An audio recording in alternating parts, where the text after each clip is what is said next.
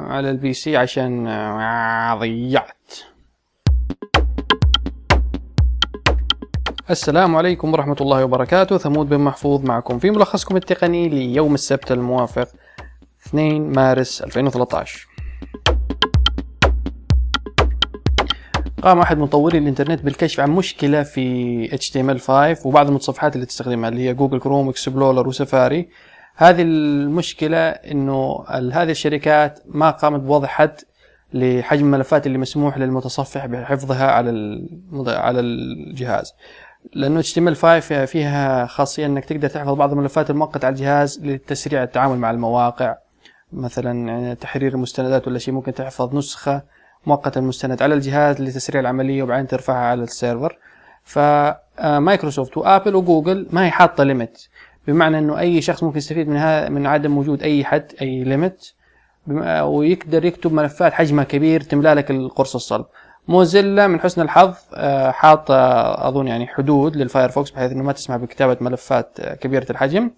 وعلى بقية الشركات إنه مراعاة هذا الثغرة التي ممكن يستفيد منها المخترقين.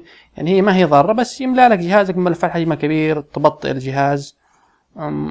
ك إنه كاختراق أمن اختراق البيانات ما وضح هل هذه الثغرة تسمح ب اختراق بياناتك أو وصول بياناتك الشخصيه ما أظن ذلك.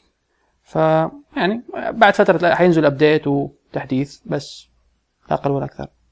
لو طفشت من الشكل الحالي لفيسبوك في شكل يعني شاف ال news اللي هو قائمة الأخبار الأخبار الجديدة اللي تظهر ففيسبوك في 7 مارس حوالي بعد خمسة أيام بعد خمسة أيام. حيكشفوا عن شكل جديد اللي يسموه بالإنجليزي نيوز فيد اللي هو قائمة الأخبار. لسه ما في أي إشكال تخيلي يعني كيف حيكون شكلها. ففي 7 مارس حيكشف عن شكل جديد. ممكن بعد التحديث حيصدر بعدها بشهر نحن عارفين فيسبوك يعني بطيئين في حكاية إنه إصدار نسخة جديدة من من الشكل أو من التصاميم الجديدة بحكم من مستخدمين دائما يزعلوا ويقول لك الشكل القديم أحسن وبعدين يحبوا الشكل الجديد. ولما ينزلوا الشكل الأجدد فالناس حيقول لا الشكل الحالي أفضل وهكذا.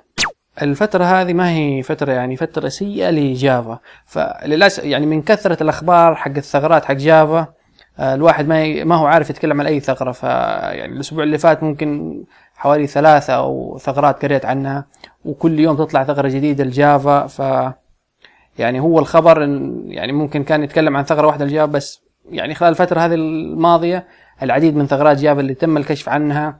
إذا مثلا أنت كنت مستخدمين جافا في اجهزتك حاول تحدث جافا إلى النسخة الأخيرة لأنه حتى النسخة الأخيرة أظن فيها ثغرة أمنية حالية. أوراكل ما يعني ما هي معلقة على الموضوع وجافا تعتبر يمكن مشكلة أمنية خطيرة يعني. بالنسبة يعني لك أنت كمستخدم عادي ممكن جافا اللي تعرفها أنت في استخدام الشات بس في شركات كبيرة اللي تعتمد على حلول أوراكل. دائما تستخدم جافا بحكم إنه أوراكل الآن اشترت جافا من Sun. وصارت مدمجة في أغلب منتجاتها. هذا الشكل هذا الشيء يعني يؤثر على يعني ممكن يفتح ثغرة لاختراق الشركات الكبرى وسرقة بياناتها وغيرها من هذه الأمور. ف الحل أظن أنا من وجهة نظري انه الحل الأمثل إنه خلاص سيبوكم من جافا وال applications هذه اللي تشتغل عن طريق الجافا applets وهذه الأمور. وحولوا على الإنترنت اكسبلور كالانترنت اللي هو بيور اتش تي ام ال وسي اس اس وجافا سكريبت اقتراح لا أقل ولا أكثر. والخبر الأخير اللي هو يتعلق بويندوز 8 ويندوز 8 رغم كل الدعاية اللي مايكروسوفت سوتها بعكس ويندوز 7 ما زالت يعني نسبته في السوق حوالي وصلت إلى 2.7% المشكلة إنه في نفس الفترة لما تم مقارنته بويندوز 7 ويندوز 7 في نفس الفترة حقق أظن نسبة 9% فأمام مايكروسوفت الكثير من الوقت والمجهود لتسويق ويندوز 8 ممكن تحاول تقنع المستخدمين خصوصا للواجهة الجديدة وأجهزة اللمس اللي لسه مش متوفرة في السوق وحتى شكلها وتصميمها ما هو ما هو مغري. يعني إلى الآن ما شفت جهاز ويندوز 8 يعني شكله مغري. كان في واحد جهاز اللي هو سامسونج ATIV بس مشكلته كان شغال على معالج آتوم يعني بطيء نوعا ما مش المستخدم اللي هو المحترف. آه. فبانتظار هم قالوا في إحنا تقريبا في 2013 في بعض الأجهزة اللي هتنزل على الجيل الجديد من معالجات Core i هتكون أنحف وأقوى. فبانتظار نهاية 2013 لتنزل أجهزة ويندوز 8 الحقيقية. وبس. كان هذا ملخصكم التقني اليوم السبت. إن شاء الله تكون النشرة عجبتكم. معلش اليوم تأخرت أنا عارف نزلتها في الليل بسبب بعض الظروف. سامحوني.